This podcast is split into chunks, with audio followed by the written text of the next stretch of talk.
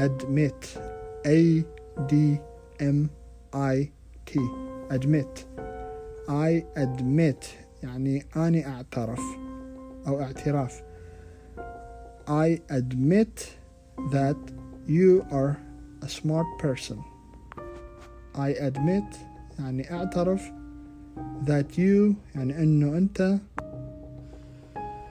a smart person يعني شخص ذكي I admit that you are a smart person يعني اعترف أنه أنت شخص ذكي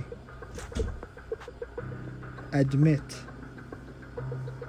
I admit I am not good at writing أنا أنا أعترف أنه أنا مو جيد بالكتابة I admit please admit يعني أرجوك اعترف. Do you admit يعني أنت تعترف؟ Please don't admit. يعني أرجوك لا تعترف. Admit. Admit.